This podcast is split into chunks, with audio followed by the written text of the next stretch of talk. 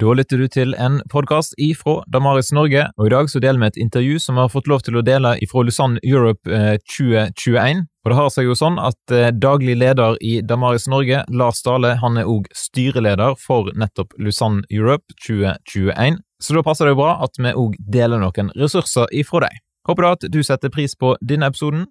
Ønsker du å finne ut mer om Lusanne Europe, så går du til lusanneeurope.org. Her er dagens episode. The topic of this podcast is Lausanne Europe's big initiative called LE 2020. It has two elements called the conversation and the gathering. The first is a continent wide discussion on vital topics facing Europe and the evangelical answer to those. The second is a conference in Wisla, Poland in October. To tell us more about the conversation, I have with me Jim Memory, a British missionary with European Christian Mission, having spent some 15 years of church planting in Spain. He is also involved in missiological research with Redcliffe College and is the editor of Vista, a quarterly research based bulletin focusing on mission in Europe. So, Jim, uh, what is the main idea behind LE 2020 and particularly what is called the conversation? Yeah, well, thank you for the opportunity to explain that a little bit. Um, I don't think it will be a surprise to anybody uh, if I said that I think we are living in a new Europe. Um, today's Europe is a, a, very different context to the one of a generation ago. And it's a very dynamic reality, a very dynamic context in which to be doing Christian mission. Most specifically, m- migration over the last 50 years has really changed the face of Europe.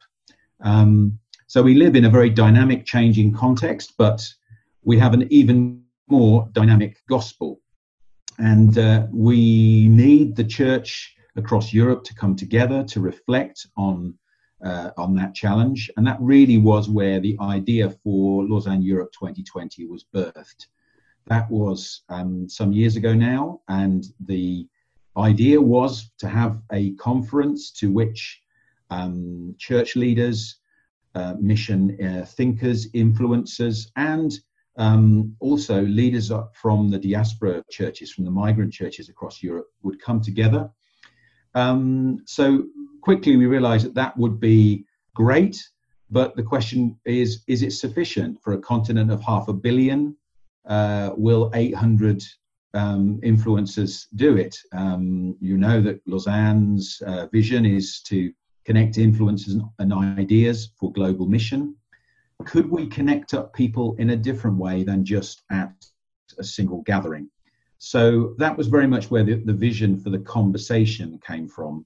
The idea being that if we could encourage each and every one of those 800 uh, uh, delegates at the conference to engage 10 to 12 other people uh, in their networks, 10 to 12 people who could um, buy into the vision for uh, Lausanne, could buy into what we were trying to achieve with the conference, contribute their voice, but also potentially be able to put things into uh, action afterwards, we would have reached 10,000 leaders across Europe.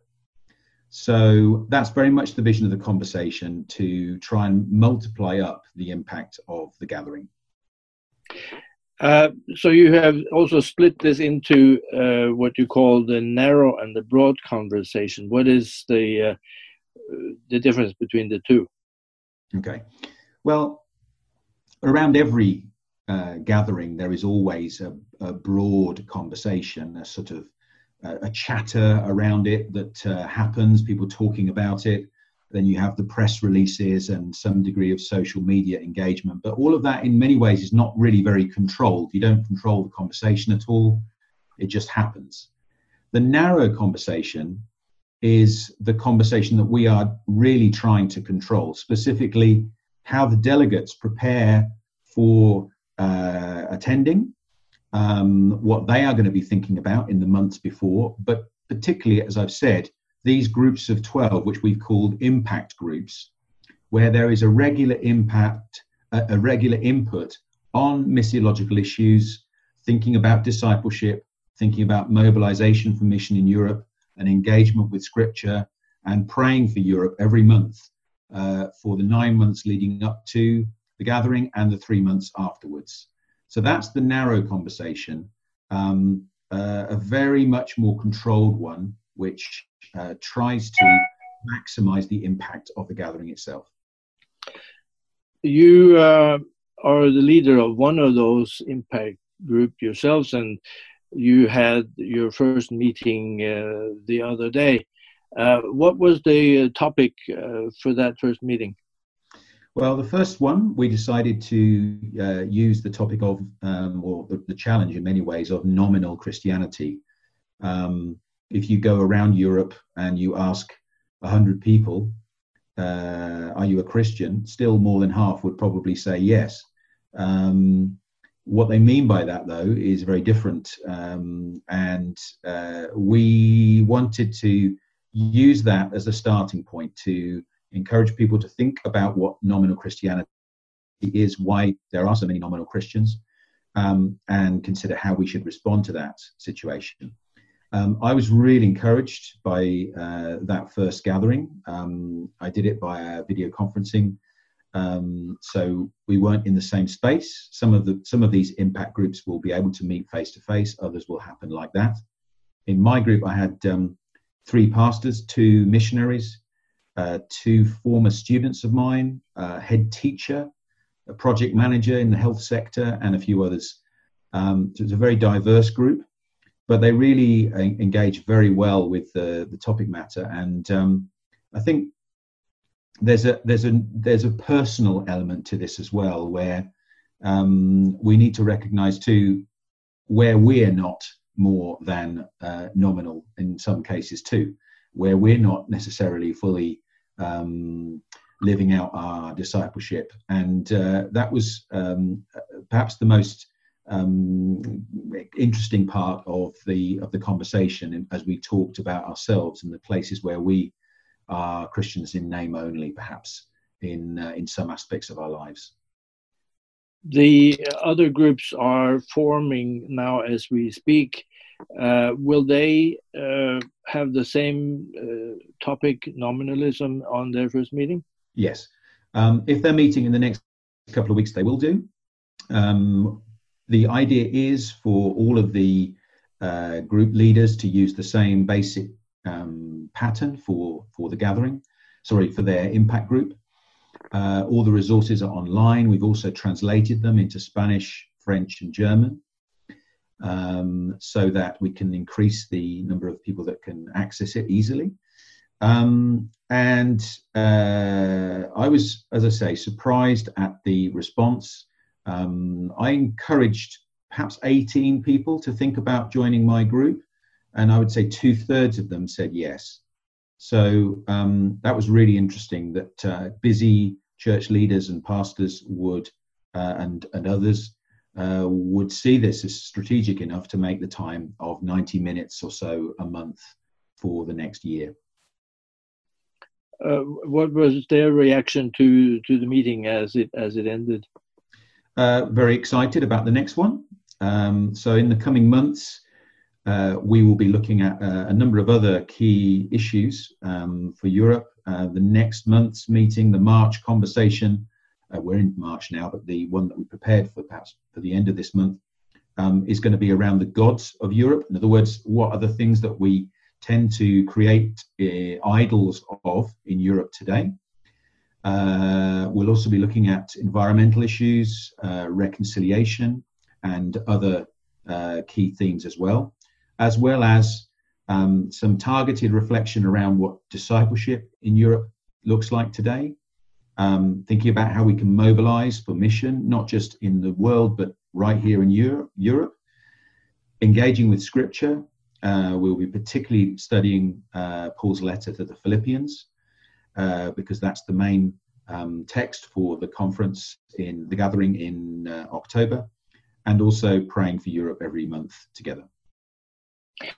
Has this type of uh, the creation of, of, of, a conversation has that ever been tried before in uh, in Christian uh, missions or or uh, conference uh, Christian conferences? Uh, I don't know the answer to that question. Um, I, I, don't think we would be arrogant enough to think we've created something completely unique, but um, given by the initial reaction of people was you're crazy. You're never going to better do this. People are too busy to find that 90 minutes a month for this sort of thing. Um, maybe it hasn't been tried before uh, but i've been really encouraged by the response so far and i think people have caught the vision for it. I think they see that this is a, um, a tremendous opportunity to contribute to a, a big conversation around what um, what God is doing in Europe today and how we can be part of that. Um, and certainly, my my dream of this is not that we would all it would just be a talking shop, uh, but that it would actually turn into action. Because if we can get 10,000 voices into the conversation before October, those are 10,000 pairs of hands that could potentially uh, get to work uh, following the gathering in uh, turning that into action in mission around Europe, and that really is exciting. Uh, what is the, uh, the, the the plan for the follow up after the conversation uh, and the gathering uh, altogether? Well, some of this is being um, created as we go. Um, we're very much building the plane whilst we're flying it. Um, none of this was created in my mind or anybody else's before we started uh, working on it. Um, even just yesterday, we started to have some more ideas about how we might mobilize uh, prayer uh, in the months following the conference. So, um, this is not something which is a closed conversation. We are wanting to genuinely listen to what God is saying to his people around Europe and uh, we certainly don't have a monopoly on all the great ideas. This is much more a case of um, trying to feel our way forward and listen to what God is saying uh, in the conversation as we go. So I'm anticipating some surprises, some contributors to the conversation that we haven't anticipated yet. Um, so yeah, watch this space. I think.